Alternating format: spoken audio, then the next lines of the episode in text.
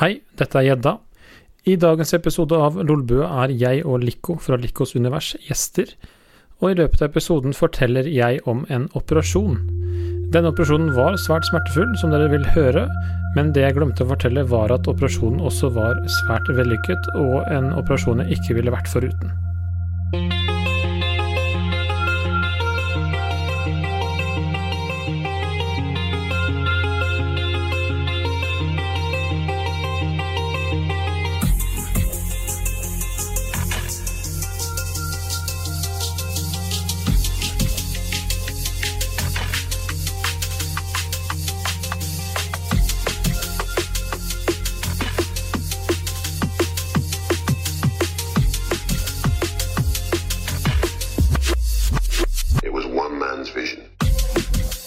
Velkommen til Lolbo episode 350, og 350 høres ut som noe vi må feire, og det gjør vi ved å kaste ut Jon Cato, den slabbedasken. Han er fremdeles på soning.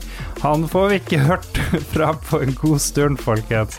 Bare beklage det. Ellers så er han hengt opp i et bur fordi i forrige episode av Likos univers med gjedda, så plasserte Bikko og gjedda Jon Cato i et bur for, som en slags distraksjon for zombiene, for å få en forklaring på det her, for å bli bedre kjent med guttene, og for å feire at de har nå laga ti podkastepisoder, så sier jeg velkommen til Rune Jacobsen, aka Lico, og Espen Bråtnes, også kjent som Gjedda.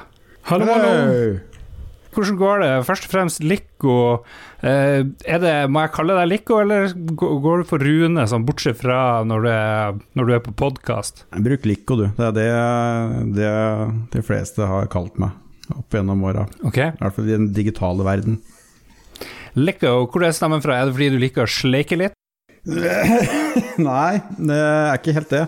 Eh, Det stammer litt lenger tilbake, helt fra IRC-tiden, hvor uh, nikket mitt der egentlig var licorice. Da kan vi jo gå tilbake på det med å sleike på ting. Og så begynte vi da å skrive når vi var borte og var til stede, så var det jo licorice away og licorice eh, online og alt det greiene, men det var det ikke plass til. Så måtte vi forkorte det, så da ble det Lico. Lico Away og Lico Idle og de tinga der. Mm, ok. Og så eh, Espen Bråtnes, også kjent som Gjedda. Er det liksom Gjedda det går i der? Er det kallenavn 24-7? Det er jo kallenavnet du har funnet på, er det ikke det egentlig? Eh, I sin tid. Eh, men du kan godt eh, kalle meg hva du vil, du, Lars. Du kan godt kalle meg Espen, Ja. det er det jeg heter. Så det som er enklest Ja. for deg. Nei, men det, hvis det passer, så jeg syns det er et fantastisk eh, nikk. Et bra kallenavn, så jeg kan godt gå for eh, Gjedda, altså. Da gjør vi det. For de som ikke har hørt Likos univers med gjedda, så et navn jeg liker å tulle litt med, så tar dere opp et tema hver episode. Handler nesten ingenting om spill. Det er jo veldig befriende, syns jeg. Hører, nesten, hører altfor mange podkaster om spill, og lager jo to sjøl, så da blir jo ganske lei av det. Så da er det veldig fint å høre om eh, 80- eller kanskje det var 90-talls hiphop. Eh, filmer som er gitt ut i et spesielt år. Mm, skyting grilling og sånne ting. Det kan man høre i podkasten deres. Hvordan, hvordan føles det? Begynner det å gå seg til nå etter ti episoder, eller? Gjør egentlig det. Det er jo, I begynnelsen så var det litt vanskelig å vite hva slags format man skulle ha. Eh, Det er jo veldig lett å ty til en spill, enda en spillpodkast, siden vi er under både Lolbua og Ragequit. Ragequit er jo både spill og gud vet hva annet. Så jeg tenkte at da kunne vi være en litt sånn der, eh, liten sidequest. Som var bare noe fullstendig annet som man egentlig ikke forventer kanskje å finne når man er i feeden til Ragequit.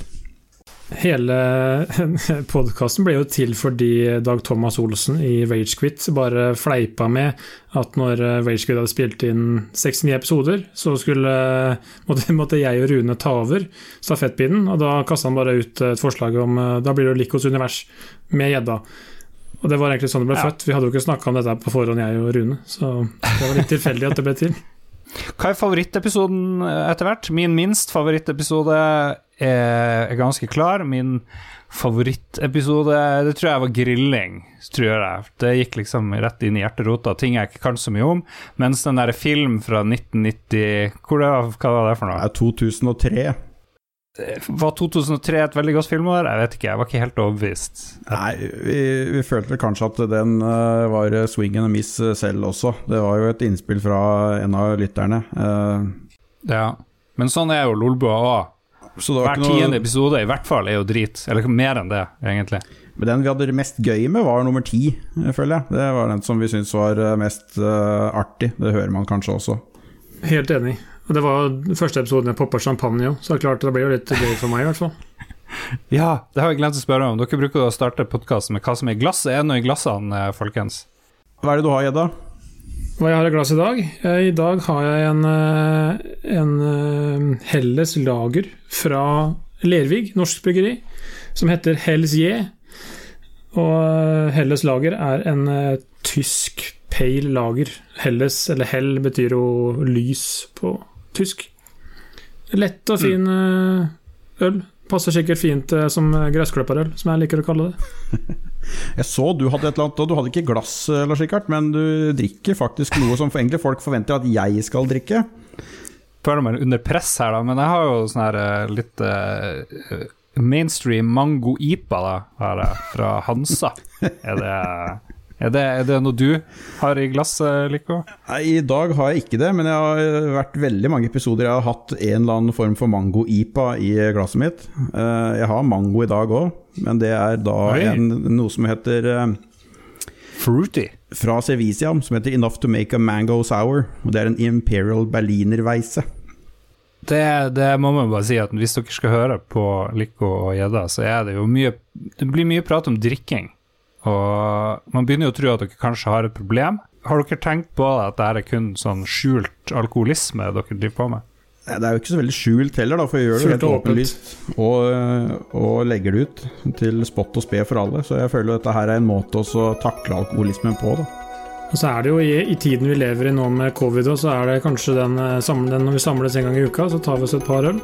Og da mm. har vi det ekstra kjekt.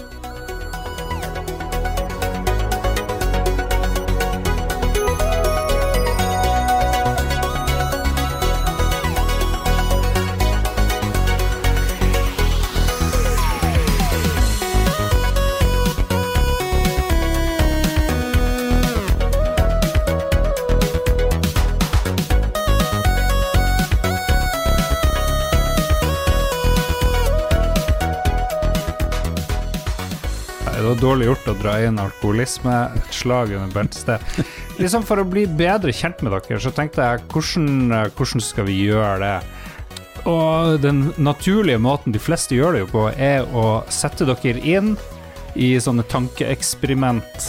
Hvordan ville dere klart dere i ulike situasjoner? Det er jo inspirert av eh, denne eh, apokalypse-episoden deres. Så jeg har, eh, jeg har fem TV-serier jeg vil gjerne høre hvordan eh, dere hverandre tror dere ville gjort det. Så begynner vi liksom på kjent territorium. Vi begynner i Walking Dead. Jeg tror det var Lico som ikke har sett så jævlig mye Walking Dead, men eh, det er masse zombier, og de er rundt omkring, og trør og sånn. Så først kan Lico si hvordan gjedda ville klart seg eh, der, og ville han klart seg bedre enn det? Jeg, jeg, er jo veldig glad i zombiespill, så jeg føler jo at jeg er veldig flink til å knerte zombier, selv om jeg ikke har sett så veldig mye Walking Dead.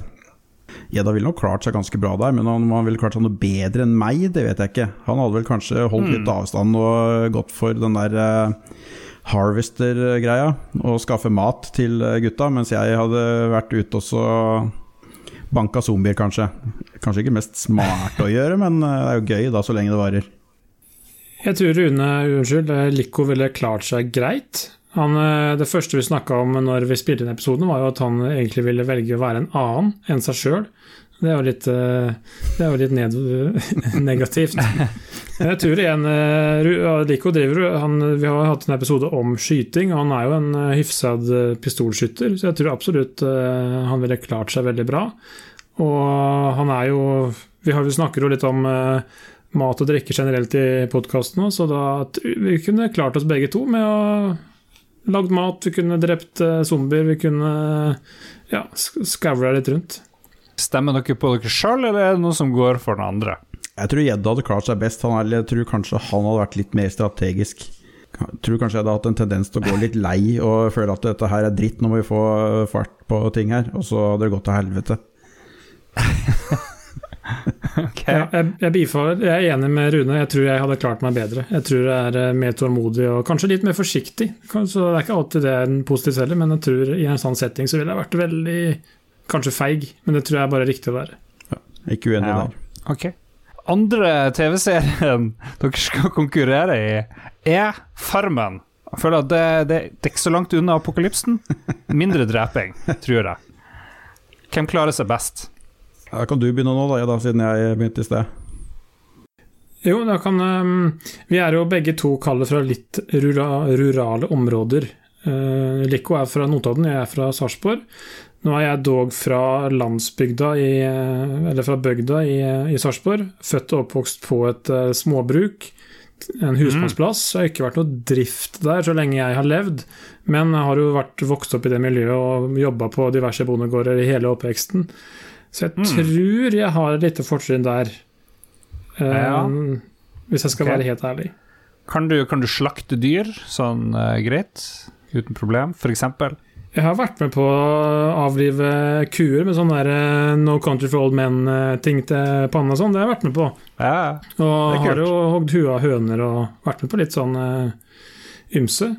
Men, eh, og partering av dyr, der tror jeg Rune Lico er like god som meg. For vi driver og vi er glad i store stykker kjøtt, hvis det er lov å si. Så, så da tror jeg vi begge to stiller ganske godt. ja. Ok. Hvis du er i Farmen, så er vi jo ikke bare oss to der. Da er det jo en haug med andre folk der òg, antar jeg. Jeg vil tro det. Ja. Jeg ser veldig lite på Farmen. Det spørs om du er i finalen, da. Ja, det her er jeg- kanskje Jeg ser ikke så mye på Farmen heller, men jeg tror det er mer enn eh, to stykker der. Ja. Og gjedda ville nok klart eh, mer å komme seg til finale. Jeg hadde nok vært, med, vært mer sånn der eh, stor, busete storbonde som alle hadde hata. Kanskje fått eh, ting gjort, da, men da ryker det jo ut ganske fort. Så da er vi tilbake på det der med de eh, strategiske greiene som kanskje gjedda er litt flinkere til. Litt mer manipulerende. Ok. Ja. Men igjen, igjen, i det du nevner, da, hvis du var litt sånn bøs storbonde i starten, så kunne du påvirka sånn at du fikk meg ut sikkert tidlig, da. Tatt Ja. en sjanse på det, og da hadde jo jeg vært fucked. Så Jeg måtte jo hatt en sånn der fryktstrategi, sånn at ingen turte å gjøre noe som helst med meg. Det er liksom der jeg måtte gått, tror jeg. splitt og hersk. Ja, og det går som regel dårlig, da. Hvem eh, Blir dere enige om en vinner her, da? Det høres ikke helt sånn ut. En slags eh, 1-1. Ja, det kan, Jeg slå, tror- det kan ja. slå begge veier, egentlig. Så jeg føler den her er uavgjort, jeg. Uavgjort. Ja. Uavgjort. Neste eh, program, og her føler jeg nå kommer vi på litt helt andre ting. 71 grader nord, folkens. 71 grader nord. Hvem uh, Hvem går seirende ut av Kjendis 71 grader nord? Med Lykke og Gjedde. Nå vet jeg ikke helt om eh, Gjedde er noen sånn superatlet heller, men han er i hvert fall tynnere enn meg, så han eh, har mindre å drasse på. Jeg i tillegg er jo glad i å være ute i skog og mark da, og leve Ikke leve av naturen, men leve i naturen er jeg i hvert fall glad i. Så, Ja, men Du skal jo ikke bare sitte stille og glane på, eh, på buskene når du er på 71 grader nord. Det er liksom forskjell å være glad i å være Jeg er jo glad i å være i skauen og sitte rundt et bål, men det er jo ikke det du driver med i 71 grader nord. Nei da, eh, det forstår jeg. Jeg har, eh, jeg har i hvert fall falt ned i en isbre en gang i livet. Det har jeg gjort. Så jeg har i hvert fall opplevd noe ekstremt. Oi. Ja, ok. Ja, Da føler jeg du har et fortrinn, for jeg aner ikke hva jeg skal gjøre hvis jeg faller ned i en isbre. Da blir det sånn å skjære av meg armen eller noe, som den der, eh, han duden på den filmen gjorde. Nå vinner gjedda med en gang, men jeg ble veldig interessert i den der isbrehistorien. Jo, det var eh, Vi var på Det var vel i På ungdomsskolen så var vi på tur på, fjell, på fjellet med, med klassen og skulle på brevandring. Og Da går man med sånn tau mellom seg, og man har på seg sånne piggsko og full pakke. Og jeg hadde en, en fyr eh, klassekamerat foran, en bak. Og gikk bare på denne breen. Jeg husker ikke helt hvor det var i Norge. Plutselig så trår jeg på et eller annet sted som det ikke er mulig å se, og så går jeg tvers igjennom denne isbreen. Og da har jeg Du kan tenke deg hvis du står med slush, sånn slush ice, til halsen. Eh, Det var det jeg gjorde da, og så ble jeg holdt igjen i tau i hver ende. Og den der mm, følelsen og det adrenalinet som kom inn i kroppen der, det, det er ikke så lett å beskrive. Men det var liksom aldri sånn Ok, her, eh, nå er jeg kjempeengstelig. Jeg var ikke det. Det var, bare, det var bare survival med en gang. Og heldigvis så var det jo erfarne fjellfolk med som fikk dratt meg opp. Og var kledd med ull fra topp til tå, så da ble jeg ikke kald heller. Så det var, det var en opplevelse i livet, det òg.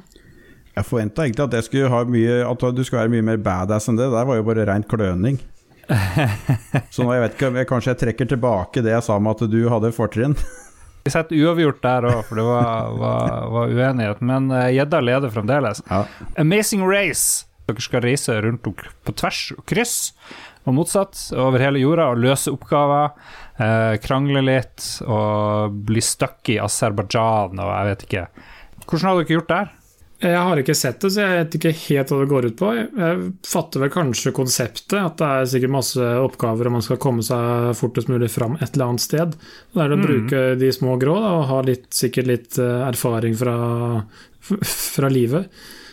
Jeg tror I sånn setting så tror jeg Rune like hadde vært tøffere enn meg, og kanskje tatt eh, jeg kanskje har det der litt mer pågangsmot enn det jeg hadde hatt, som hadde vært litt mer strategisk, som han nevner til stadighet. At jeg hadde vært litt treig, kanskje. Ja, for det blir mye springing og stressing, og mye eh, kjøpe billetter på flyplassen til rett sted og sånn. Og, og kanskje kunne Jeg husker det var stort noen sesonger, å drive og få de der bookingfolkene til å gi deg en bedre billett enn det andre laget. Sånn finne connections fra Dubai til Thailand fortest mulig, og det er mye sånt. Sommerferien min for eh, skal vi se, nå blir det 2018 var nesten sånn som det. Da jeg besøkte jeg eh, fem land på to og en halv uke i Sørøst-Asia. Oi. Så eh, flying på flyplasser og løping og herjing og styring, det, det har jeg faktisk gjort. Så det Da måtte egentlig gjedda bare hengt på slep, og så satsa på at jeg hadde kontroll på det jeg drev med. Du høres ut som det mest verdifulle der, så vi bare gir seieren med en gang til deg. Lico, da er det helt likt frem til det siste programmet dere er med på, og det er selvfølgelig The Bachelorette. Det er en kvinne som skal velge ut fra sikkert 10-20 menn. Eh, noe sånt. Roseseremonier, det er dates eh, her og der. Det er sånn alenetid med Bollingeren i bungalowen og sånt. Der, nå er jeg veldig spent. Hvem, eh, hvem kommer lengst her? Nei, det Ja, si det. Uh... Hvem er, hvem er storsjarmøren av dere, da? kan jo at han Serping her har vært det. Jeg var jo mye og herja på byen i mine yngre dager når jeg bodde i Oslo. Eh, så jeg har ikke vært så veldig sjenert av meg, men eh, Ja. Men jeg føler Ja, ikke at, at det er det du vinner bachelorettes med. Nei. At du har vært ikke vet eh, så mye rundt. Jeg tror, det, jeg tror jeg har en fordel der, helt klart. Det er en fordel å kunne snakke med kvinnfolk uten at du blir helt som uh, Raj i, uh, i Big Bang Theory også, da. Jo, men det er en fordel at du også er edru til tider da, når du gjør det. Ja, det er et godt poeng. Og eh, jeg føler i hvert fall sjøl at jeg har ganske bra romantiske sider. Det må jo kanskje min samboer eh, forlovede svare mer på. Men eh, det er Ja. stadig, stadig blomsterkjøp, det er stadig Nei, jeg føler det er sånn romantiske middager. er- Ja. Jeg er sikker på det Bachelorette Vi har en sånn alfamail som driver og sveiper hun av beina og bare sånn wow. Ikke sånn Altså, det er der meg, da. pusegreier med konfektesker og blomster og tull. Så det er meg du mener, da? Nei, nei. Fallskjermhopping og Tequila, da, da er vi der. okay. Så det er, det er opp til bacheloretten, egentlig, om hvem av oss som vinner. Og det må være deg, Lars. Ja. Og det er jo meg. Jeg føler at uh, jeg står her, og det er roseseremoni, og det, det blir selvfølgelig Tequila og, og brautende Yes! uh, alfamail som, som vinner dagen der. Det lille jeg har sett, det går kun på utseende og veldig lite subtile, omtenksomme ting. Så, men det er mulig jeg tar feil. Men uansett, gratulerer, Lico. Du vant uh, denne fantastiske konkurransen, som sikkert blir klippet hardt ned eh, til slutt. Gratulerer, Lico. Jo, takk. Takk. Det føles godt. Vi bruker å prate litt om hva vi har gjort og sånt eh, i det siste. Jeg vet faen, Har dere noe å bidra der? Jeg har utrolig lite, så her må jeg bare lene meg på dere. eh, høre har det skjedd noe spesielt i livene deres siden sist, og det er jo siden dere ble født. Siden dere ikke har vært med før. Ja, det er jo en utfordring. Det har jo skjedd en del siden jeg ble født. Ja. Du har tatt den der med isbreen, så den Ja, kan du ikke ta igjen. jeg kan jo ta Jeg har jo operert en rar kroppsdel. Skal jeg ta den? Oi! Det? Ja, fordi jeg, jeg tror jeg er eneste her av oss tre som har operert penis. Hmm. Ja. Ja, For å få den mindre eller for en større? Hvilken vei? Altså, han var for stor. okay. til forhuden, så han måtte operere Måtte, for, Ah. måtte snipp-snapp litt. grann. Det er en fin icebreaker-historie. Pleier å ta ofte Ja. når jeg møter nye mennesker. Hadde du tatt den på bachelorette òg, eller liksom for å føle at du innynda deg litt der? Det kan godt hende. Det er jo en, eh, det er rett i underbuksa med en gang, og det liker jo bacheloretten her, i hvert fall. At det er litt uh, frampå. Absolutt. Det Så jeg burde kanskje tatt det forrige stikket, så eh, kanskje jeg hadde vunnet. Oh my god, it's too huge. You have to cut off all that that flappy flappy skin on the on the tip because the head is too big. It just won't get out. Men i i hvert fall, det er topp én smerte i livet mitt. Og det er ikke sjølve kuttinga, for det var jo, da var jeg jo fullt bedøvd. Men det å få to nålestikk med bedøvelse i skaftet og penis, det er en smerte jeg unner ingen, ingen i verden. Det er sånn, Da har du lyst til å dø. Eh, har det noe navn, den tilstanden du hadde? Har, Eh, det har det. Jeg bare husker ikke hva det sto i den der eh, legepapirene. Trangus front hudicus. Ta. Biggest dickus. Biggest dickus. Skal vi se definisjonen. Fimose heter det. Fimose. Det, er, det hørtes Biggest dickus er mye fetere navn på den tilstanden der. Ja. Og det, er, det har en, rett og slett en oversettelse fra latin til norsk. Trang forhud. Ja. Det har skjedd uh, i livet mitt siden jeg ble født. ja. Så bra, det syns jeg var litt kult. Det er jo synd at Jon Cato er, er, på soning, for han vil jo relatere direkte. Han har gjort det samme, tror jeg. Ja, absolutt. Men um, Lico, hva har du operert uh, i ditt unge liv? Jeg vet ikke om jeg klarer å toppe det greiene der. Det eneste jeg har operert, er noen sånne kjevegreier. Med noen visdomstenner og ting og tang. Var for stor i kjeften? Nei, jeg var ikke for stor, jeg var kanskje for liten i kjeften til å få ut tanna, da, jeg vet ikke. Men det, jeg føler som ikke at det er like eh, spektakulært som å drive og så skjære seg Nei. i forhuden. Har du noe annet litt mer eh, spektakulært uh, fra livet som vil sette spor i lytteren? Nå tenker jo alle på penisen til gjedda. Ja, det er nettopp det, så jeg, jeg vet ikke om jeg klarer å toppe det. Jeg kan eh, heller ta og, og komme tilbake hvis jeg plutselig kommer på noe nå Ja, i løpet av sendinga, for den der Ja. er vanskelig å toppe, rett og slett. ja. Jeg føler vi må ta en liten pause. Vi tar en musikalsk pause og tenker alle sammen på penis som snippes.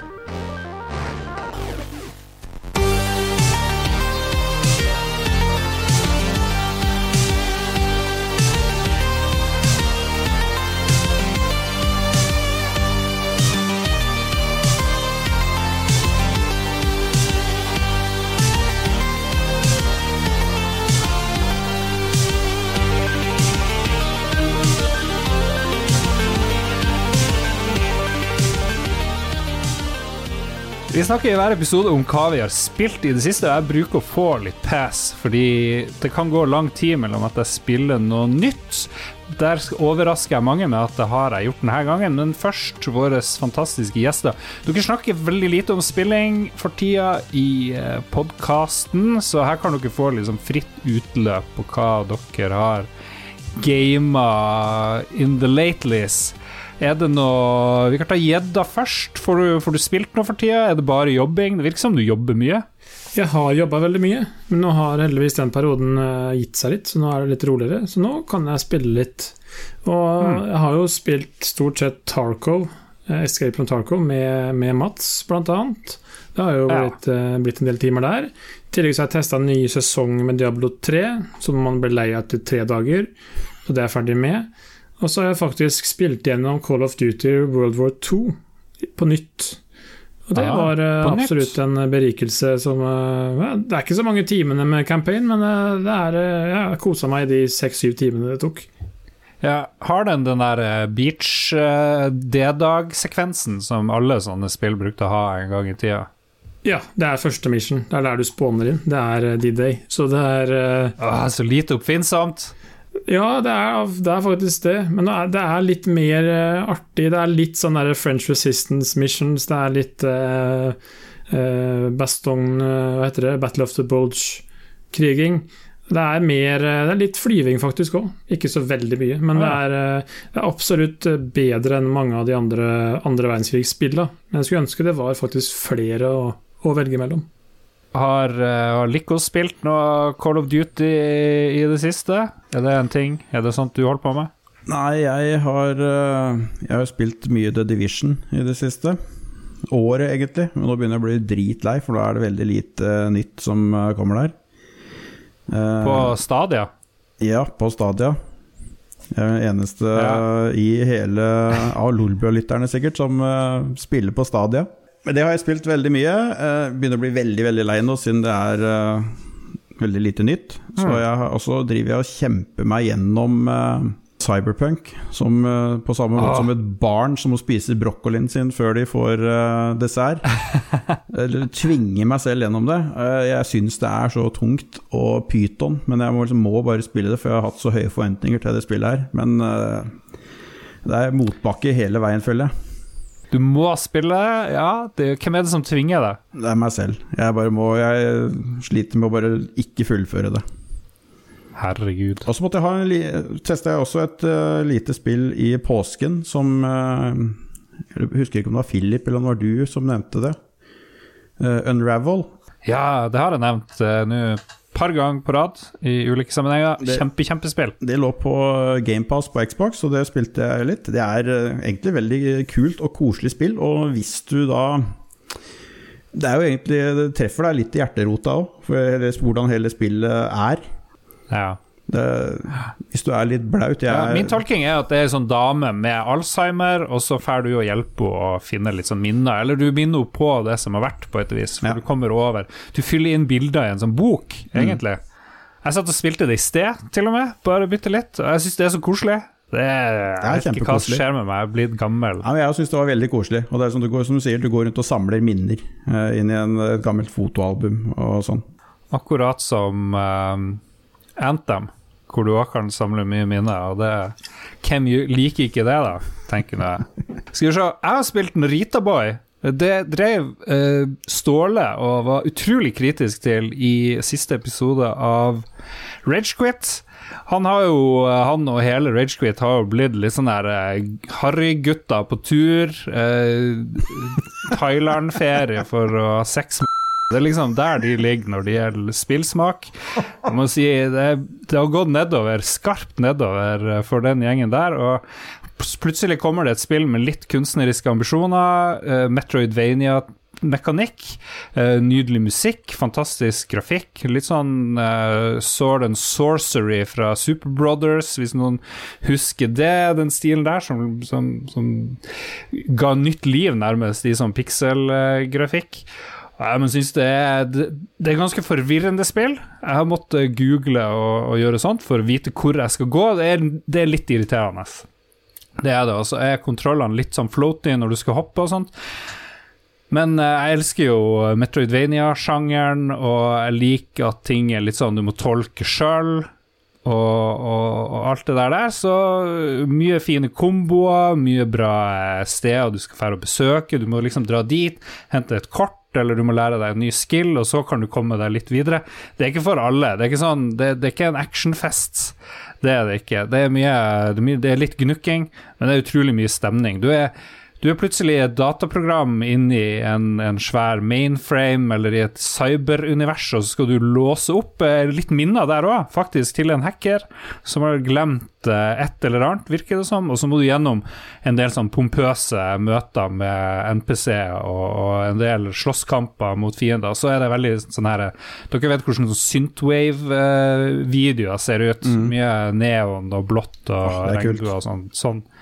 Sånn ser det ut. Så jeg har spilt en del timer faktisk av det her oppe, og tror jeg kan eh, gi en solid eh, berikelse slash anbefaling på det, basert på ja, hva skal vi si, to timer, noe sånt.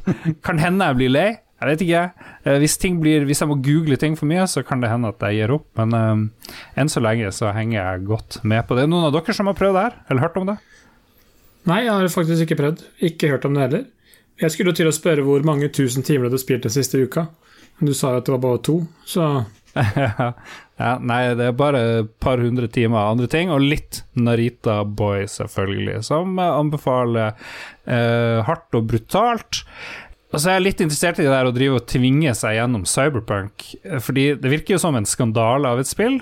men likevel så skal Lico Du skal liksom presse det gjennom det. Har du mye igjen? Hvor lenge har du klart Hvor, hvor lenge har du prøvd å bli ferdig med det spillet? Siden det kom. Jeg forhåndsbestilte det. og, og det har jo Ganske lenge siden. Det har jo, det har jo hele tida kjørt eh, plettfritt på Stadia. Eh, Det, det var jo det eneste plattformen det gikk eh, plettfritt på i lange tider, så jeg har jo hatt mulighet i lang tid å fullføre det. Så det er jo ikke noe Ja. galt med, med spillet sånn sett. Det er bare at det, det fenger meg så jævlig lite i forhold til hva jeg hadde håpa, at det irriterer meg. Så jeg nesten jeg trasser meg gjennom det. Er det, er det sant at Lico spiller på Stadia, eller er det bare en sånn langvarig spøk? Det her? Det er ikke en langvarig spøk, det er faktisk helt sant. Jeg har faktisk sett bildet av riggen. Så det er Stadia. Når, når, de, når det gjelder Cyberpunk, så er jeg helt enig med Lico. Det er et forbanna drittspill. Eh, Jeg vet at det er mange som hater meg når jeg sier det, sikkert, men jeg, jeg syns det var Jeg var faktisk ikke, følte faktisk ikke med på den hypen som var på for, forhånd heller, men jeg som, jeg fikk litt fra forskjellige hold at dette ble verdens beste spill ever. og ja, det er et utrolig pent spill, fantastisk grafikk, og det er kul musikk og alt det der, men det er, har vært så mye bugs, og det er Jeg bare Jeg syns det var for lite, rett og slett, av det som var bra. Og når jeg til slutt da kom til sluttmission, så hadde den bugga seg, så jeg ikke fikk lov til å bli helt ferdig heller. Så det var sånn der, ja, dra til helvete, da gidder jeg ikke mer. Nei, jeg har spilt det som vanlig i ca. 15 minutter, som jeg spiller de fleste spill, bortsett fra de jeg bruker masse timer og 1000 timer på, så fuck uh, Cyberpunk. Årtusenets uh, flause, folkens. Ja, det er på høyde med PS5-lanseringa.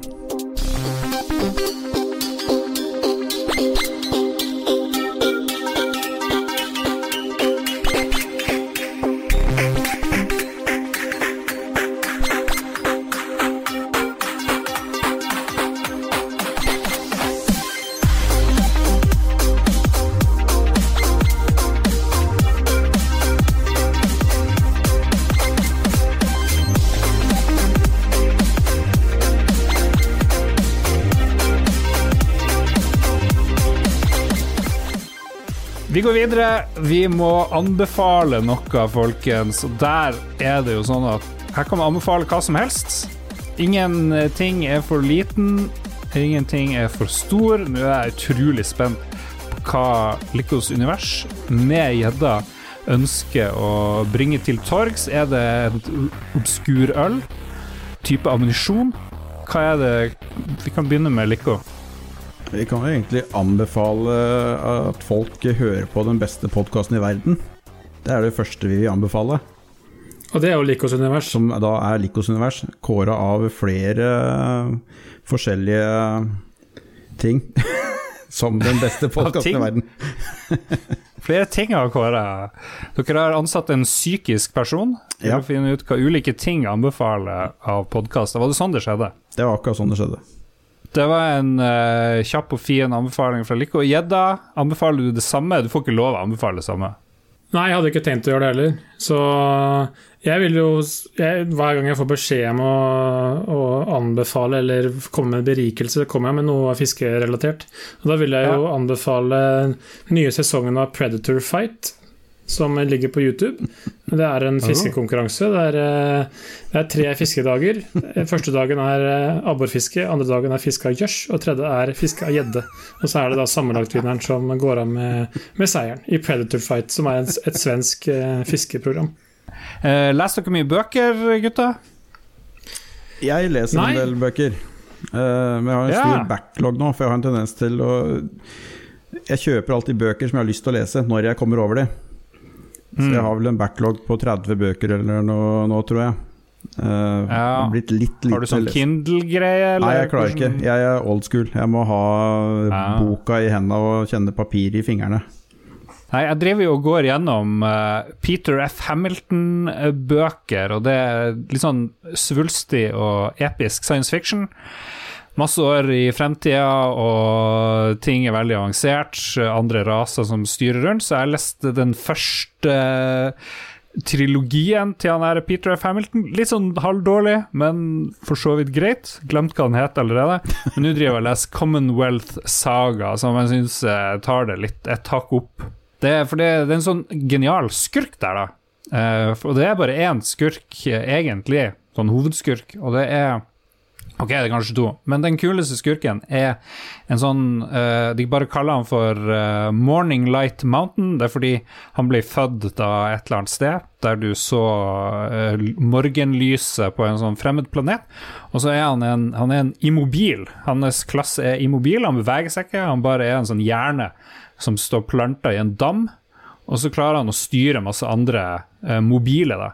Og så klarer han å ta over en hel planet eh, og bygge sånne nettverk og kontrollere de direkte. Han klarer å klone seg sjøl, og så oppdager han plutselig jorda og skal ta over den eh, på et vis, og så blir det sånn helt enorm eh, space battle med ormehull, med romskip som går raskere enn lyset, osv.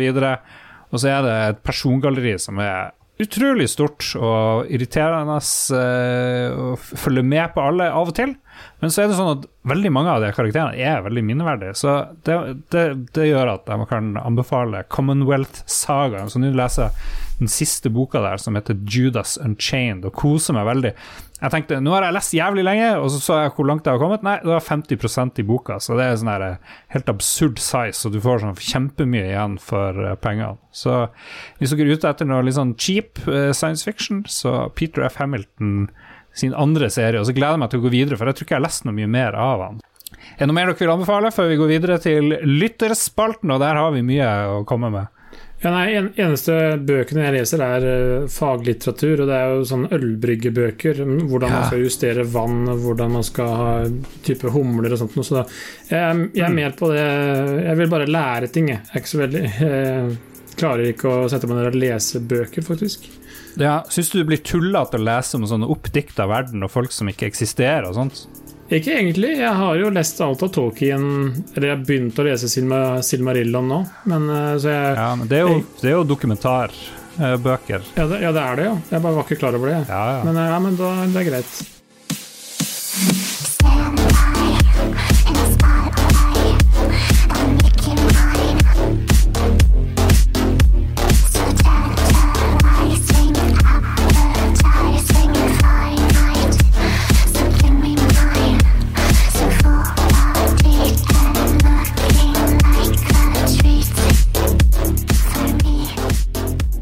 Lytterne har fått det for seg at dere kan svare på alt mulig, eh, og de har bare gått helt gal.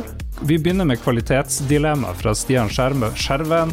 Alltid erigert penis i badetøy, eller aldri erigert penis noensinne? Og jeg syns det der virker veldig lett. Altfor lett eh, spørsmål. Er dere Ja, det er tungt på ene siden.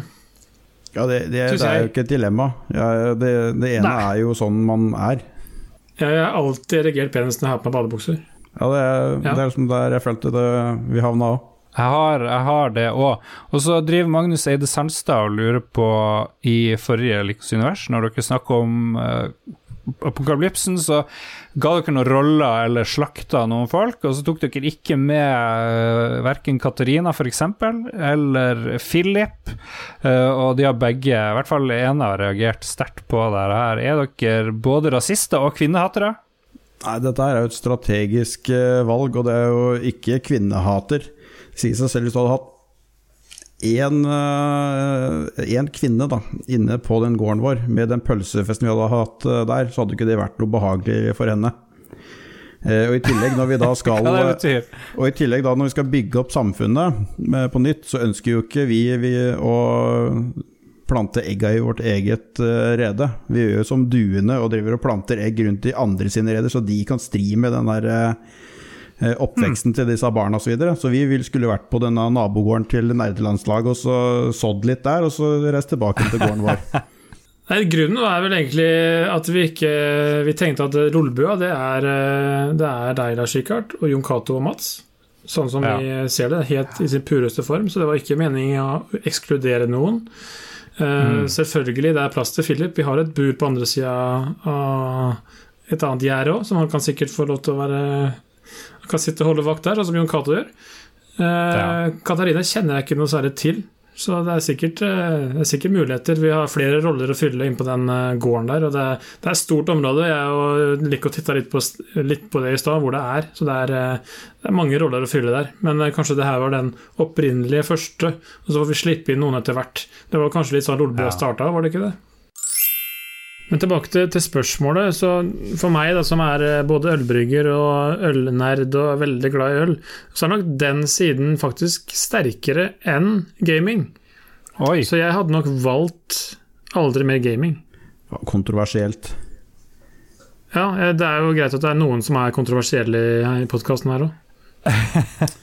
Kristoffer Getboys Hansen, Lico, hva er det han lurer på for noe? Du, han spør hva er den beste filmen fra 2002? Og siden da eh, all time shittiest episode av uh, Likos univers var når vi skulle snakke om filmer fra 2003, så kan jo ikke det her bli annet enn bra. Og jeg vil da si at Eight Mile er eh, den desidert eh, beste filmen fra 2002. I hvert, fall den jeg, I hvert fall den jeg har sett flest ganger. Ja. Ja, for, for min egen del så er jo uh, Two Towers, Ringenes herre, kommet da. Uh, I tillegg, så, som jeg tror er, det, er en uh, isolert sett bedre film, så er det City of God. Den syns jeg var utrolig bra, og den satte litt spor i, i meg, i hvert fall. Dere glemmer at Scooby-Doo The Movie kom i 2002. Det er sterk toer. Eh, Sterk annenplass. Det var mye drit i 2002 òg, Det var det. skal vi se. Jeg skulle nesten tro at uh, at Kristoffer valgte det dårligste året for å sette oss ut litt. Jeg vet ikke, Han pleier å være litt sånn ekkel. Kom det ikke noe med Steven Segal i 2002, liksom? Eh, Var ikke det Har ikke han gitt seg da? Nei, nei, nei, han holder på enda, vet du. Ja, det er sant, det. Eh, jo da, filmen Half Past Dead kom i 2002. Det er en eh, amerikansk actionfilm med Steven Segal i hovedrollene. Kan dere tro at uh, Half Past Dead har en norsk Wikipedia-side? Det syns jeg er litt morsomt. Det er noen som har tatt seg bryet. Er ikke den bare sånn automatisk translata? Er det det? Jeg tror Åh, Eller er det Mats Rindal Johansen som har lagd den? Kan det jo være at det er noen som er blodsegal-fan, eh, som er norsk, da, som sitter og oversetter hver eneste ting om Steven Segal til norsk. Jeg tror det er Mats Rindal Johansen som eh, drifter den sida. Ja.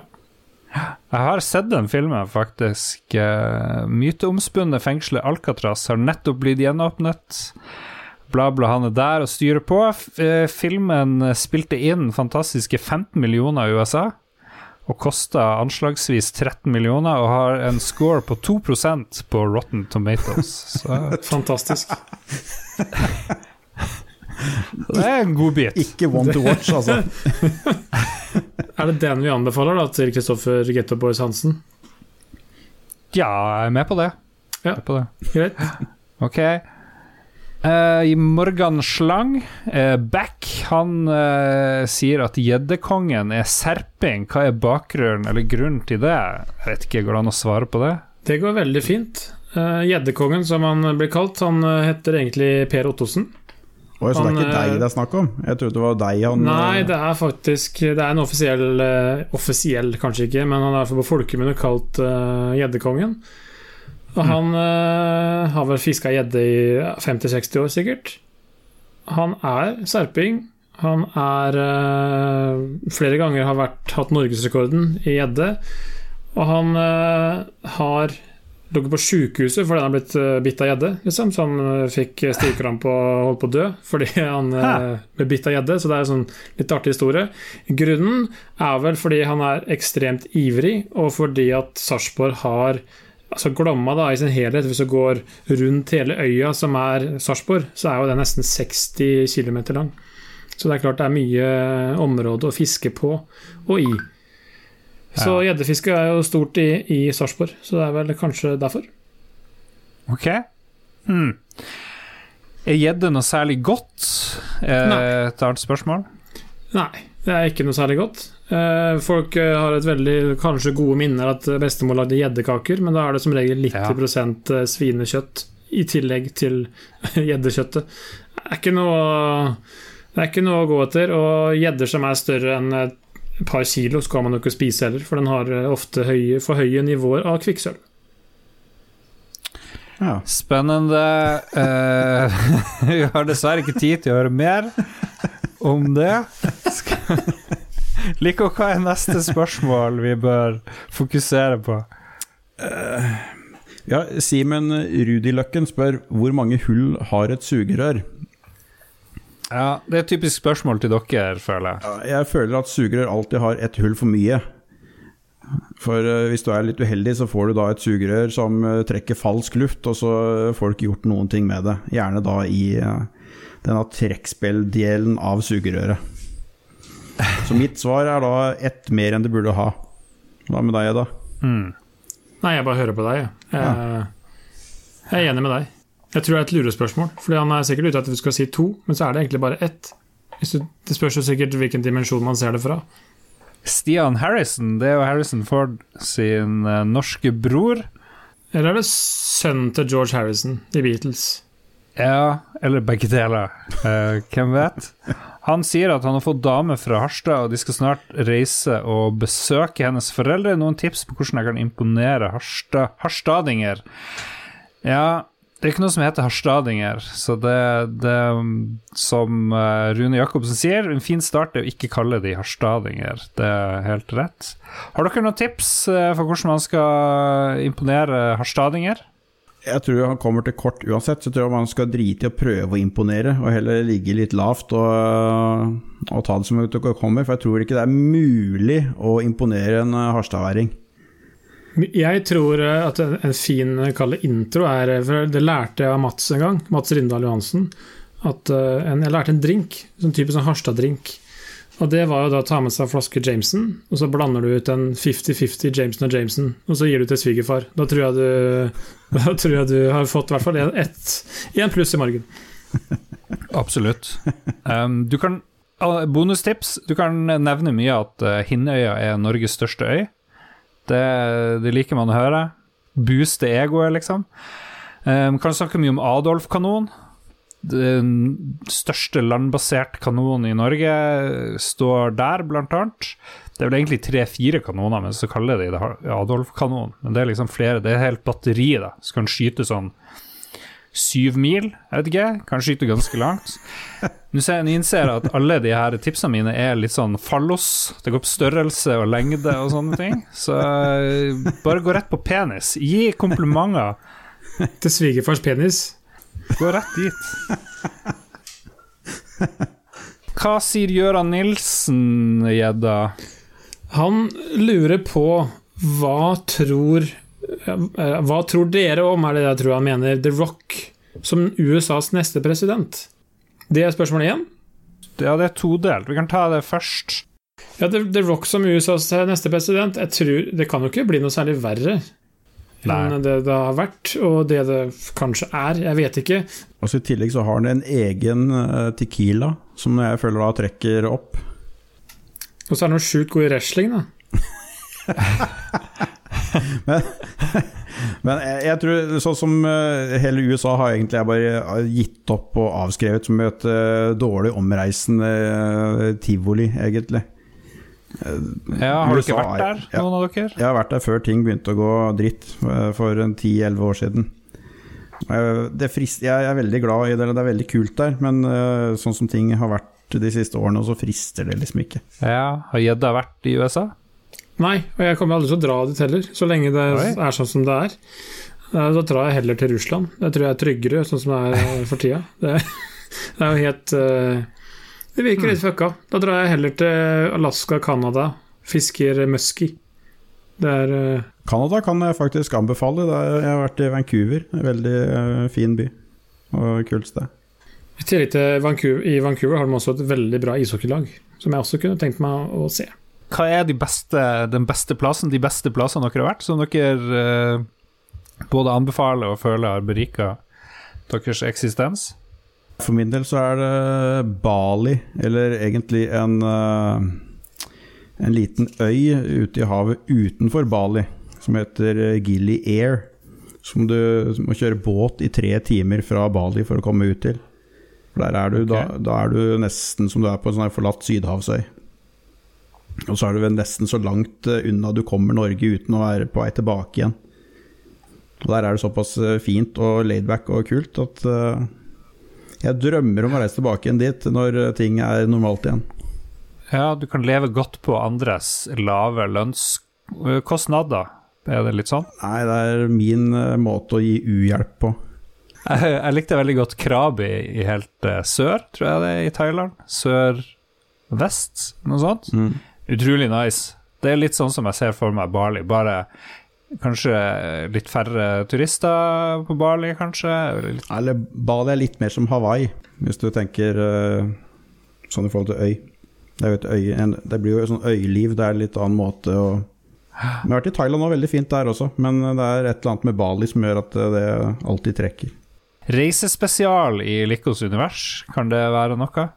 Ja, absolutt. Jeg er jo, jeg er jo litt mindre kald, det har ikke vært så langt av gårde som uh, Lico har vært. Så for min del så må det være København. Det er det absolutt ultimate stedet for meg å være i verden. Der er det fantastisk øl, fantastisk mat, fantastisk trivelige mennesker. Det er bare chill hele tiden. Du forstår hva de sier, i hvert fall jeg gjør det. Og det er eh, Nei, det er et nydelig, nydelig sted. Du kan gå rundt og være småbrisen hele dagen. Spise masse god både grillmat og all, all, alle mulige typer mat.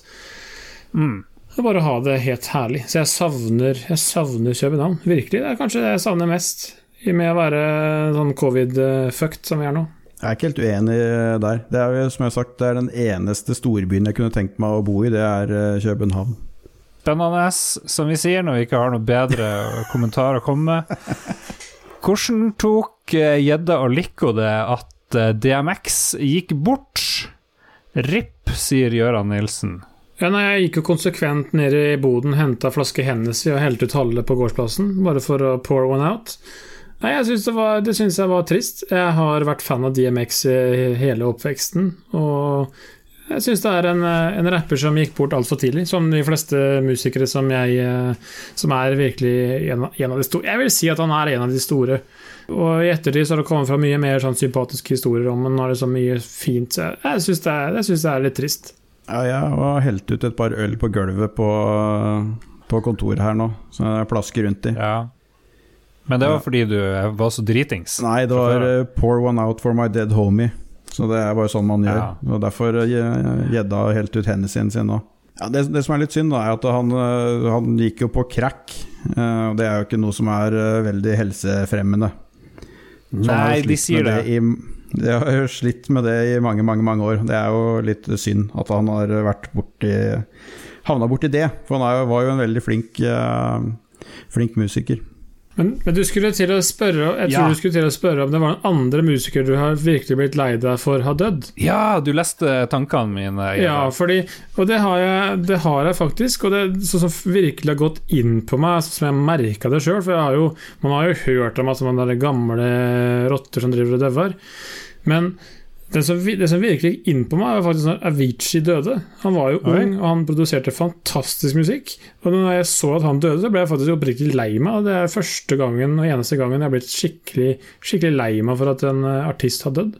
Ja, ja for jeg tenkte òg litt på det der. Det, det, er jo, det, er jo, trist. Du kjenner at å, han er død, det var dumt, da likte han og, eller hun eller sånne ting. Men å bli litt sånn ordentlig berørt, det skjer veldig sjelden i research til denne episoden. Gjorde fem minutter research, liksom panisk, før jeg kom på den kjempegode introideen med de TV-seriene. Så prøvde jeg å finne ut hva skjer på 14. april når denne episoden kom ut. Det var mye interessant. Eh, Titanic sank for 99 år siden. Følte eh, det, det, det resonnerte ikke hos Lico og Gjedda i det hele tatt. Og så at eh, den eneste egentlig jeg tror ja, kanskje kanskje en par, da. Eh, men en av de jeg har tenkt fuck, han død, det er Peter Steele. I det legendariske metallbandet Typo Negative. Peter Steele var kjent for å være på cover av Playgirl. For han hadde sånn enorm penis eh, og var med i sånne kvalitetsprogram som Ricky Lake og, og sånt. De ble aldri sånn, aldri sånn skikkelig stor, men de var, det var sånn band jeg og Jon Cato og vennegjengen hørte på. Litt sånn dyster glam metallgreier. Alle sangene handler omtrent om sex eh, eller kødding. De, de de starta i hvert fall to plater, tror jeg, med sånn ulyder. De lata som at CD-en var ødelagt. Det kom sånn brrr, og så hører du at de begynner å flire noen sekunder etterpå. Litt sånn utrolig useriøst. Men eh, Så da ble jeg litt trist da jeg hørte han bli død, men ellers er det nesten ingen. Ja, ja. Lang historie, den klipper vi bort. Lico, hva du Har du er det brukt å bli lei deg når folk dør? Sånn, sånn som du egentlig ikke kjenner? Jeg pleier å bli lei meg når folk eh, går bort. Uh, ikke så veldig mye med artister. Jeg, sånn med Avicii, det, jeg jo fikk litt eh, feeling der, men ikke før jeg så den dokumentaren de hadde lagd om den. For jeg visste liksom ikke helt hvordan han hadde hatt det og alt dette greiene her. Så når den dagen han gikk bort, så gikk det ikke noe voldsomt inn på meg. Men etter å ha sett den her dokumentaren om han, så fikk man litt andre tanker. For det var jo et jævla råkjør, og han hadde det jo ikke bra, den gutten, stakkar. Håkon Punter Wold han har et veldig godt spørsmål. Jeg vet jo dere hører på absolutt alt av eh, Lolbua. Lik og gjedda, hva er deres topp tre Lolbua-episoder? Ja, nei, jeg har veldig klare favoritter der. Det er episode 241, 302 og 308. Ja, nettopp. Ja, de var bra. Og grunnene til det er jo da er jo Dag Thomas Olsen med, så det er jo da derfor det er eh, for meg de beste. Så han er jo min beste venn. Min eneste venn, i tillegg til deg, Rune. Du har blitt min venn. Det var jo meg, da. Ja. Så slenger han Håkon Puntervold en Hva er greia med her? Hva er greia med at folk ser på klokka når man snakker om en tidligere eller fremtidig dato? For eksempel, er du med å spille bowling neste tirsdag med stor T? Til og med folk som går uten klokke, gjør det her, sier Håkon. Og ekspertpanelet, hva er forklaringa her? Jeg lurer på hva slags folk han omgås, da, for jeg har aldri opplevd det der i det hele tatt. Hvis han har folk som har, eh, driver og kikker på klokker de ikke har på armen osv., når han spør om de skal være med på bowling, så ville jeg vel kanskje tatt det som et hint at de egentlig ikke var keen på å være med på bowling. Det er mitt svar der. Ja. ja, nei, jeg, jeg har heller aldri opplevd at det, det skjer. Uh, eller har gjort det med andre. Så nei, jeg tror, jeg tror det er rett og slett at de du spør, ikke egentlig har lyst til å spille bowling. Så de prøver å unnvike å svare, men så føler de seg pressa opp i et hjørne, så da bare må de svare. Martin Pettersen spør da Hadde dere kjørt én mil inn i en skiløype om GPS-en ba dere om det. Og det er jo Heter han ikke Martin, egentlig? Han heter Martin, eller han heter Ragequit iallfall. Ok, da Martin Pettersen. Og samme spørsmål. Du må lese det på nytt. Martin Pettersen spør Jeg kødder, jeg kødder. jeg kødder. Og han eh, refererer jo da så klart til eh, denne stakkaren som har vært ute og kjørt Masta Mazda-treen sin innover langrennsløypa uh, på fjellet, og til slutt sto fast. Ja, det er godt gjort, da. Ja, det er godt å komme så langt. Det må jo ha vært skikkelig skareføre. Jeg er imponert. Svar på det er at selvfølgelig hadde vi ikke gjort det. Vi bruker jo ikke GPS, for vi er jo kjent der vi kjører. Så ja. hva er det for et spørsmål? Ja, når du har vært i eh, Vancouver, eller hvor du har vært, og lånt bil, ingen GPS Nei, nei, bruker kart som jeg bretter ut over hele dashbordet og sett et, kasta ett blikk på det, så veit du hvor alt er. Ekte mann spør ikke om retninger. Jeg kjører heller feil enn å spørre om hjelp. Jeg kjørte feil fordi jeg fulgte GPS-en i Los Angeles. Leide bil for første gang i USA. Uh, Syns det var utrolig kult. Kjørte inn en enveiskjørt gate, fordi når du kommer blant de skikkelig høye husene i downtown LA, så slutta GPS-en å funke, og da var jeg litt på egen hånd. Hadde ikke det store kartet. Og så kjørte jeg ut fra en bensinstasjon, eller hva det og så bare sto, så det sto sånn seksfeltsvei eller noe sånt, med alle bilene mot meg. Eh, Det var sånn det så ut i hodet mitt, i hvert fall. Det var sikkert de tre av de bilene var på vei fra, fra meg, eller Nei, det var, det var noe rart. Helt grusomt. Helt grusomt. Når du nevnte det, så kom jeg faktisk på at jeg har faktisk brukt GPS en gang. Og det er kanskje grunnen til at jeg ikke Åh. bruker dette. Det Det har med når jeg var i eh, USA, da var vi i Miami. Så skulle vi kjøre fra flyplassen ned til South Beach, det var første kvelden. Og da klarte jeg også, som deg, å ta feil exit, for det var tre exiter etter hverandre. Og jeg tok da den i midten, jeg skulle tatt den første. Og havna da inn i et uh, boligstrøk hvor vi overhodet som ikke skulle være som uh, bleikfeite uh, nordmenn på tur. Ja, I ja. knallrød, skinnende blank eh, leiebil med GPS-en i frontruta. Da kom vi inn da i et strøk som vi fikk vite etterpå at det var gjengstrøk, som man overhodet ikke skal inn uansett hvor du er fra. Mm. Men hvorfor er det ikke sånn her eh, skilt 'nå drar du inn i et kjempefarlig område'? Det burde jo man jo sette opp eh, rundt omkring. I hvert fall hvis det er en sånn populær turistplass som Miami eller lignende. For alt jeg vet, så kan det hende at det hang der, men jeg var så opptatt av alt mulig annet, da. For vi var jo i Miami, det var så mye spennende. Og neonlys og fine greier. You will die here, turn around. Det var noe Det var, var følelsen. For vi eh, kom inn i sånn uh, cul-de-sac, eller blindvei, da, hvor du må snu foran eh, alle husene. Og der sto det masse skumle menn med øl og kikka på oss. Gjedda, neste spørsmål. Det er jo fra vår kjære, alles kjære Mats Rindal Johansen, som spør Tokarev eller Makarov. Og der kan jeg begynne med å si at det er jo to typer pistoler. Ja. Den ene er Det er begge russiske pistoler. Den ene er jo henvist til en Tokarev TT33. Den andre er en, eh, en Makarov PM. Eh, Jeg vet ikke, Har dere noen erfaringer med de pistolene? Jeg kan jo si mitt svar eh, etter hvert. Den der PM, det er jo Prime Minister. Det er jo en kjent pistol, for den ble brukt for å drepe statsministre, eller var lagd for å drepe statsministre. Hvis jeg husker rett. Jeg, jeg eh, ville gå, gå for Makarov, siden den er nyere. Tokareven eh, det var jo tjenestevåpen for, eh, både forsvaret og politiet i Russland fram til slutten av 40-tallet, tror jeg det var. Så tok eh, Makaroven over, og siden av Makaroven den har de brukt fram til eh, dags dato. Så da må jo den, tenker jeg den må jo være bedre. Så jeg går for Makarov. Ja, det, det er også mitt svar. Makaroven er jo den er produsert i langt flere eksemplarer, og jeg tipper når Russland produserer eh, nesten ti ganger så mange av Makarov som de gjør av den andre TT-pistolen, så vil det si at den er bedre. Og de har vel for så vidt egentlig ikke, som du sier, klart å funnet en bedre pistol i dag, så de bruker fortsatt den som tjenestevåpen. En annen ting som er litt, litt morsomt, er jo det at han, som, eh, han Makarov sjøl, som designa pistolen, han har jo også laga flere våpen, bl.a. en eh, 9K111 Fagott og en 9M113 Konkurs. Som er da bombekaster og eh, Ja, det er to bombekastere, faktisk. What? Ja, jeg er helt enig i at Makarov er best, mest fordi de har lagd en egen sang om den i Spania, hvis jeg husker rett. Den der Makarova. Kan ikke du synge den, eh, Lars? Ja, det Hvis dere korer Det er jo sånn to gamle med creepy menn, er det ikke det? Som sier Jo, det er det. Makarova. Det er skikkelig grisegutter. Ragequit har kommet med spørsmål. Ryktet sier at Lico og Gjedda var i kontakt med hverandre før dere gjesta Ragequit, og da som kompiser av henholdsvis Dajis og KK, det vil si Dag Thomas og Christian. Og så ser det ut som spørsmålet deres er verden er liten. Jeg vet ikke, La oss ta det spørsmålet først. Er verden liten? Ja. Det jeg syns er litt spennende, hvor mange ganger har dere treftes? Null. Aldri. Er, det er litt sært, er det ikke det? Ja, det er sånn det er, det.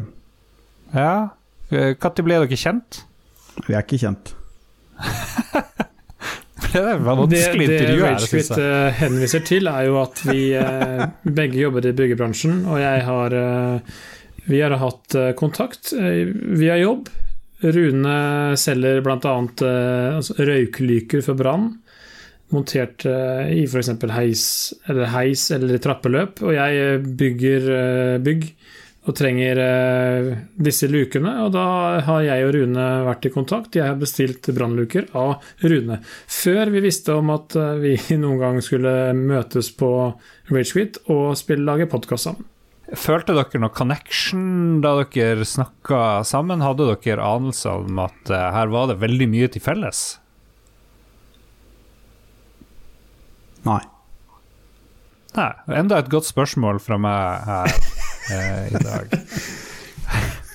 Nei, altså, det, var, det er vanskelig å si når man aldri har møtt en person før, om man har noe felles. Når vi spilte inn eh, disse jubileumsepisodene på Ragequit, der vi først var eh, i samme kall det samme rom, hvis du kan kalle det det, så var det jo ikke så lett å vite om man hadde noe til felles. Men når vi har spilt inn Likos univers sammen, så forstår vi jo det at vi har kanskje mye til felles. Så er det mulig at eh, det er en bevisst handling fra Ragequit at de skulle spleise meg og Rune for å lage verdens beste podkast, som er Likos univers med da.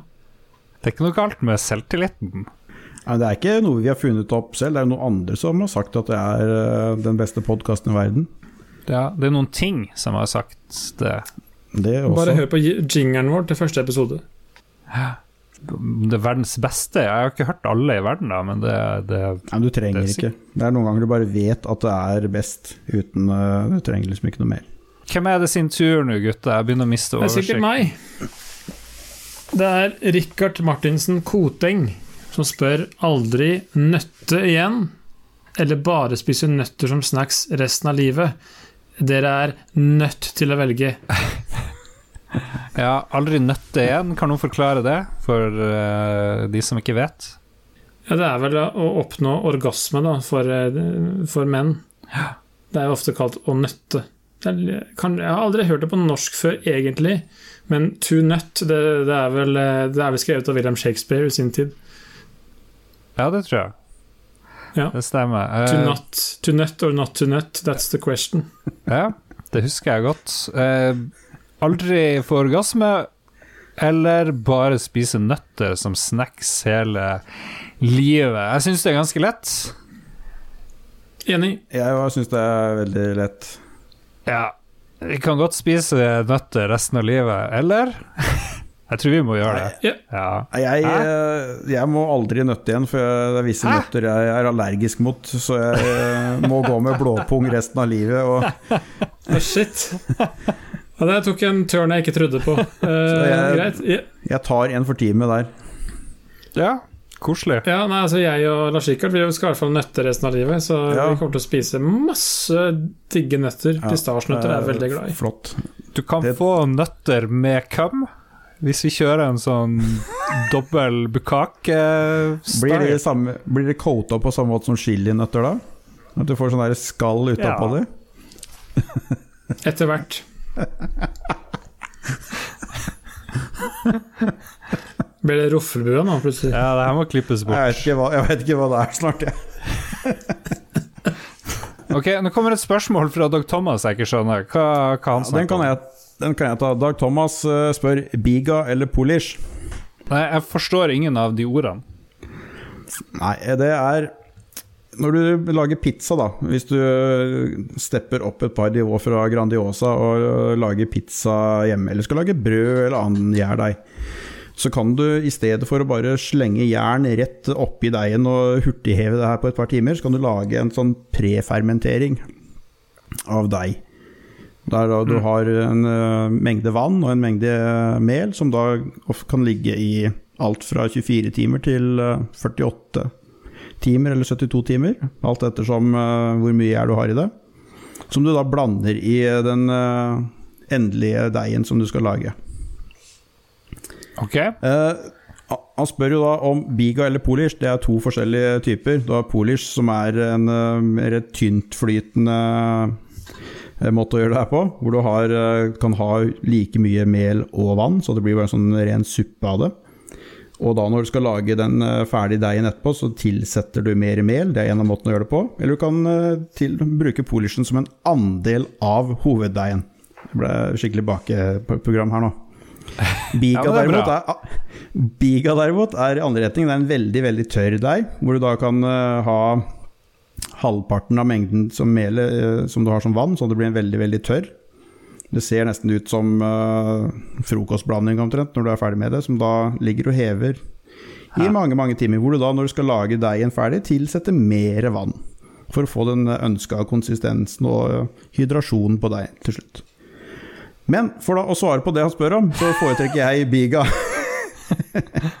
jeg syns Biga Jeg har ikke, br- har ikke utforska så mye med Polish ennå, men Biga har jeg testa et par ganger, og jeg syns det gir et veldig godt resultat. Så svaret mitt da er Biga. Gjedda, uh, er du enig med din makker? Jeg er enig med Lico her.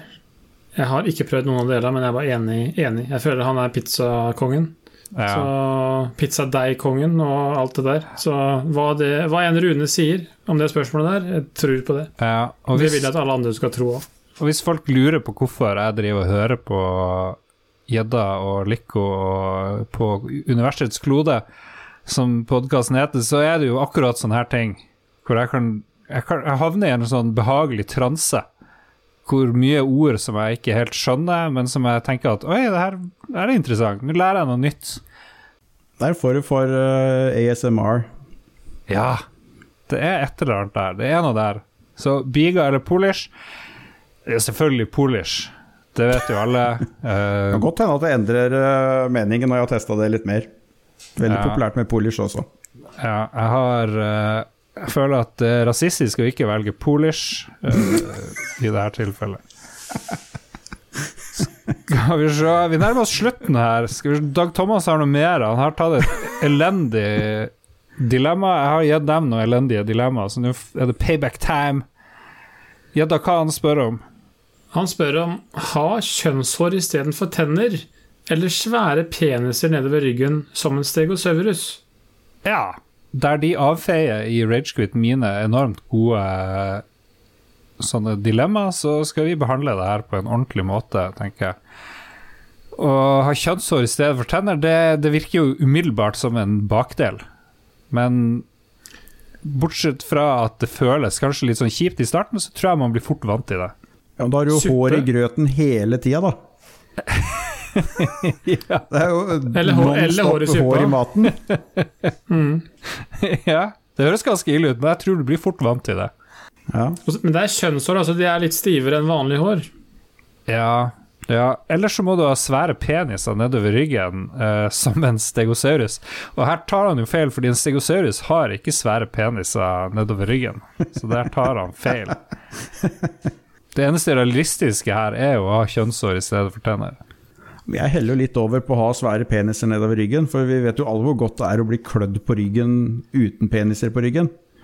Og tenk da, Ja. hvis du skal bli eh, klødd på ryggen og du har peniser der, det må jo bare være en helt ny dimensjon av digg. Men er det godt å bli klødd på penis? Det er lett for deg å si, Rune, du som allerede har valgt at du ikke skal nøtte noe mer. Tenk på meg, Lars Rikard. Ja, det er sant. Jeg Å bli klødd på pungen må nesten Kaki svare på, for han liker det, vet vi. Men det er jo godt. Ja. Nei, men jeg går selvfølgelig for kjønnsår i stedet for tenner. Mest som jeg kan komme mye i sånne blader eh, og nettsider rundt omkring. Det kunne jeg òg med masse peniser på ryggen, men du kan jo ikke ligge på ryggen, f.eks. Du kan ikke ligge Ja, jo, jo. Spørs om du har baller Tenk de der. mulighetene du får da med, med, med filmroller og alt mulig sånt, når du har peniser på ryggen. Det er ingen som gidder å se en film med noen som har uh, kjønnshår som tenner. Men hvis du har ryggen full av peniser og masse damer uh, i samme scene, så kan jo det være hyggelig. Her er vi da opportunisten i Likos-universet. Det er Lico som er opportunist. Han, uh, han ser mulighetene. Det er aldri noen problemer her. Nei, alltid muligheter. Ser bare muligheter. Ja. Tusen takk, Dag Thomas. Det var et kjempegodt dilemma som vi tok veldig alvorlig. Men den neste er bedre. Ja. Bare kjør på. Nei, det syns jeg du skal ta, for jeg skal svare. Ok, hva er Det her er Dag Thomas igjen, da. Hva er den merkeligste settingen dere har blitt fotografert i med en øl i hånda? Det er, eh, det er når jeg og Dag Thomas feira The X-Men 20-årsjubileum. Og vi fant ut at her skal vi ta en fotosession der vi skal skvotte, slavskvotte rundt på forskjellige steder på denne gården vi var på. Thomas Gjerposen sin gård. Uh, og det var jo selvfølgelig da å ha på seg minst mulig klær, så vi gikk jo rundt i bokseren. Og vi fant en skraphaug med gammelt varmtvannsbereder og noen noe gamle kjettinger eller noe sånn et eller annet uh, tracks fra noe, en tanks eller om det var en gravemaskin. Og så fant vi ut oppi her skal vi klatre, og så skal vi skotte mens vi uh, har på oss flipflops og drikker øl. Wow. Jeg har også lagt ut et bilde på Discord, hvis du vil se, Lars. Jeg har, jeg, jeg har zooma og alt mulig. Jeg, jeg, har ikke, jeg har ikke turt å åpne det. Jeg vil ikke ha det der i større format. Det er et ganske magisk bilde. Det er det. Du kan ikke se genitaliene til Dag Thomas, kan jeg fastslå, selv om Overraskende nok. Han har heldig, heldigvis på seg shorts. Ja, han har på seg noen greier, så det, det, det skjønte jeg. Men det er et flott bilde. Jeg skal spørre Dag Thomas og det om vi kan vise det hver dag, egentlig. For jeg føler at det der er det beste bildet jeg kanskje noen gang har sett, og det har øl i hånda. Siste spørsmålet er fra Even André Aarseth. Han, eh, eller det er ikke et spørsmål, han eh, skriver noe så hyggelig som at Lik Lico og Edda er mine nye bestevenner, som jeg aldri snakker med. Åh. Og det er jo veldig hyggelig. Veldig hyggelig. Det er veldig flott. Da har vi jo faktisk to venner. Da har vi hverandre og eh, Gjedda har jo tre, da. Oppi nå. Jeg er jo Ja. tre, ja, for jeg har jo KK, og så har jeg Gjedda, og så har vi nå da Even André. Så det er jo topp. Skal vi se, Ser vi på Ståle som en venn nå? Han er medic. Greit. Da er vi kommet til veis ende på en ganske unik eh, Lolbua-episode. Vi har aldri hatt en sending litt helt sånn som det her, føler jeg. Sånn blir det når Lykke og Gjedda kommer med sin visdom og, og sitt, eh, sin kunnskap. Hva du vil si, Gjedda? Jo, jeg vil si dette er jo episode 350, hvis jeg ikke tar feil. Stemmer det? En slags jubileum, det òg. Ja, og, og 350 er jo perfect score innafor skyttermiljøet der jeg kommer fra. 350 poeng er maksimum poeng for en uh, rifleskytter. Så det vil jo si at denne episoden her er jo perfekt. Den er det. Jeg må si jeg er veldig fornøyd. Jeg syns det har vært utrolig koselig å ha dere med. Vi må takke Patrions, sånn som vi bruker å gjøre. TTMXMP, Kobrakar84, Duke Jarlsberg. Eh, Duke, hva er et norsk navn for Duke? Eh, Ja, hva er det? Jarl? Jarl? Jarl? Jarl Jarlsberg. Det har jo en viss eh, En viss logikk. Ja, ja, ja. Anne Beth, Jarle Pedersen, Stian Skjerven og Thomas Holmedal bidrar stort, og det gjør veldig mange andre patrions òg, så tusen hjertelig takk for det. Alle patrions får Fordi noen ganger så kommer eh, episodene med reklame og sånt. Det er noen som ikke liker det. Alle patrions får reklamefrie podkaster. Vi og så håper jeg at vi kan bruke de på Lico og gjedda etter hvert. Det må vi ta et styremøte på. Eh, Jon Cato må innkalle begge til sånne medarbeidersamtaler og sånt. Det blir spennende. Spesielt siden han er i fengsel. Så dere må smugle inn dop i ræva og sånt. eh, må dere gjøre når dere skal inn og besøke Hva slags dop foretrekker han? Eh, akkurat nå så er det blodtrykksmedisin. Ja. Ståle fikser sikkert det til oss. Ja, ja, han fikser det. Han ordner, ordner det. Har dere, noe, eh, har dere noe usagt, folkens, før vi sier farvel? Jeg vil bare på vegne av Alikos univers si at det var veldig hyggelig å bli invitert med på en episode. Det, var, eh, det setter vi veldig pris på. Det var veldig hyggelig å kunne ha en podkast bare oss to. Mm. Ja. Så syns vi jo dere har det veldig fint her oppe i toppetasjen på bygget. Da. Vi sitter jo som kjent i, i vaskekottet ned i kjelleren ved siden av oljefyren. Eh, Ja. og det er, jo, har, det er jo veldig fint her oppe hos dere på Executive Office. Dere har Absolutt. jo både rennende varmt og kaldt vann, og eh, du kan se ut. Så veldig, veldig flott. Hvis dere kan vaske litt før dere drar, og legge nøkkelen i postkassa, så er det veldig bra. Ja, det skal vi fikse. Hør på Likos univers med gjedda. Det kommer Er det sånn fredag? Er det da det kommer? Hver søndag. Pleier å komme søndag. Søndag? Annenhver uke fra nå av har har jeg skjønt at det kommer. Annenhver uke, ja. Ok. Det Kommer sporadisk, det er verdt å vente på. Ja, det er verdt å vente på. Det er en helt topp podkast. Hør også på Ragequit, som kommer torsdag-ish, noe sånt. Hør på Spillebyen på mandag og Lolbua på onsdag. Vi snakkes, folkens. Ha det bra. Ha det.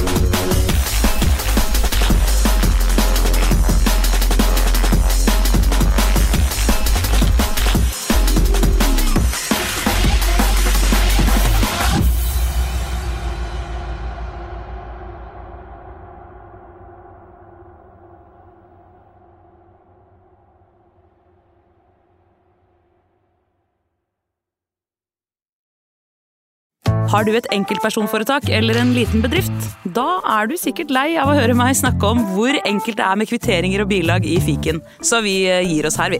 Fordi vi liker enkelt. Fiken superenkelt regnskap.